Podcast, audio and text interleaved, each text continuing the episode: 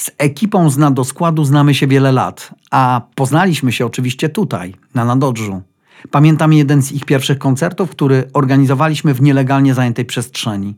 Zabawne, bo było to dokładnie to samo pomieszczenie, które dzisiaj jest pracownią Pawła Romańczuka, tyle, że jeszcze przed remontem, przed rewitalizacją.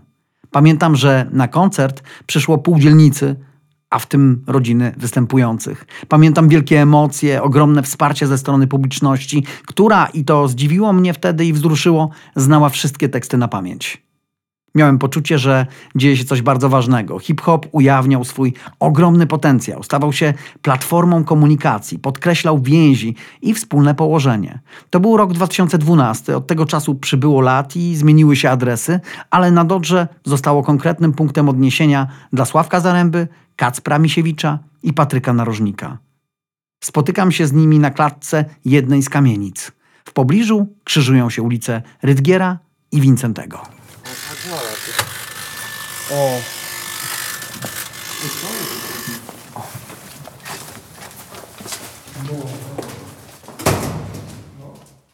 Cały czas nagrywamy, cały czas coś piszemy.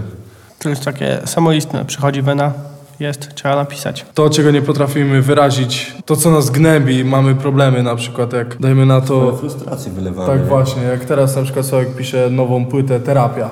Swoje problemy, swoje jakieś tam, swoje wizje i tak dalej świata. Tam sobie wolę wyłożyć to na papier i, i wtedy czuję się lepiej, nie? To tak nie, że jak, dla jakichś, jakiś tam, żeby być gwiazdą czy coś, tylko po prostu tak no, dla siebie, nie? Też, czy tam dla koleżków, którzy tego słuchają. Tam też, niektórzy są też, którzy myślą tak jak ja, nie? I też im może to pomoże i I też nie robimy tego dla pieniędzy, bo robimy to po prostu... Bo to kochamy to, jak się wychodzi na scenę i tyle osób stoi przed sceną i na przykład wiwa, Wiwatuje, no. wiwatuje. To jest, to jest coś pięknego, to jest takie uczucie, które... No nie wiem, mnie na przykład jak stoję na scenę, to w pewnym momencie muzyka mnie całego wypełnia i czuję się tak... No kurwa, no nie wiem, zajebiście po prostu. no, czuję to samo w sumie, no. To jest, to jest coś pięknego naprawdę. Wypełnienie, kurczę. Dla mnie muzyka to jest taki temat, taka rzecz, można powiedzieć, którą, dzięki której można do tych naj, najtrudniejszych rzeczy dotrzeć. Tak jak są takie trudne tematy, których się nie porusza między sobą, tak można je poruszyć w kawałku na przykład. Wiemy, że jest dużo osób tutaj u nas, przynajmniej na dzielnicy, które wiedzą o czym nawijamy, że tak powiem, i liczą się z naszym zdaniem. Reprezentujemy też swoje podwórko, nie? bo tutaj niby są wszyscy gorsi i tak dalej, no ale próbujemy dotrzeć do jakichś tam, wiesz, poważniejszych ludzi, żeby rozkminili sobie, co my tutaj przeżywamy, co tam mamy w głowach. No ale ciężko, ciężko. Nie wystarczą tylko remonty elewacji, tak jak tu właśnie Sławek nawinął w No życie jest to samo. w piosence Patologia, że nowe elewacje nie zakryją tego piekła.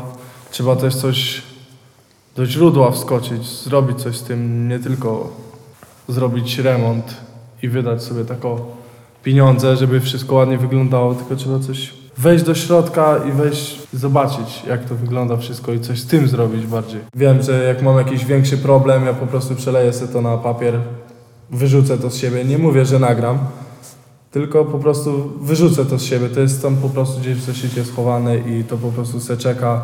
A ja mam tak jakby w głowie już trochę bardziej czyś, czyściej. Zrobiliśmy, nagraliśmy pierwszy teledysk, nagraliśmy pier, tam pierwsze utwory, pierwszą płytę. No tak jakoś uwierzyłem w to, że coś mogę, bo tak ak- nie mieliśmy perspektyw ogólnie tutaj na tym podwórku, tam nas wszyscy mieli w dupie tak naprawdę.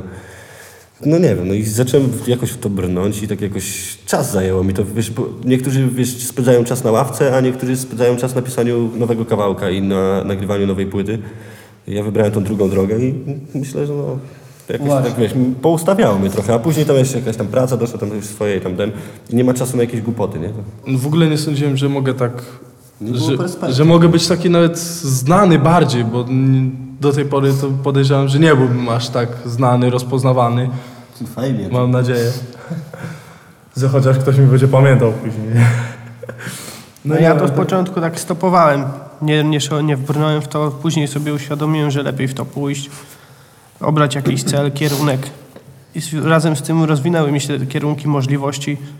Taki samorozwój po prostu. I brnę w to dalej, chcę w to brnąć. Automotywacja. Dlatego właśnie też nagrałem kawałek, o którym kolega wspomniał.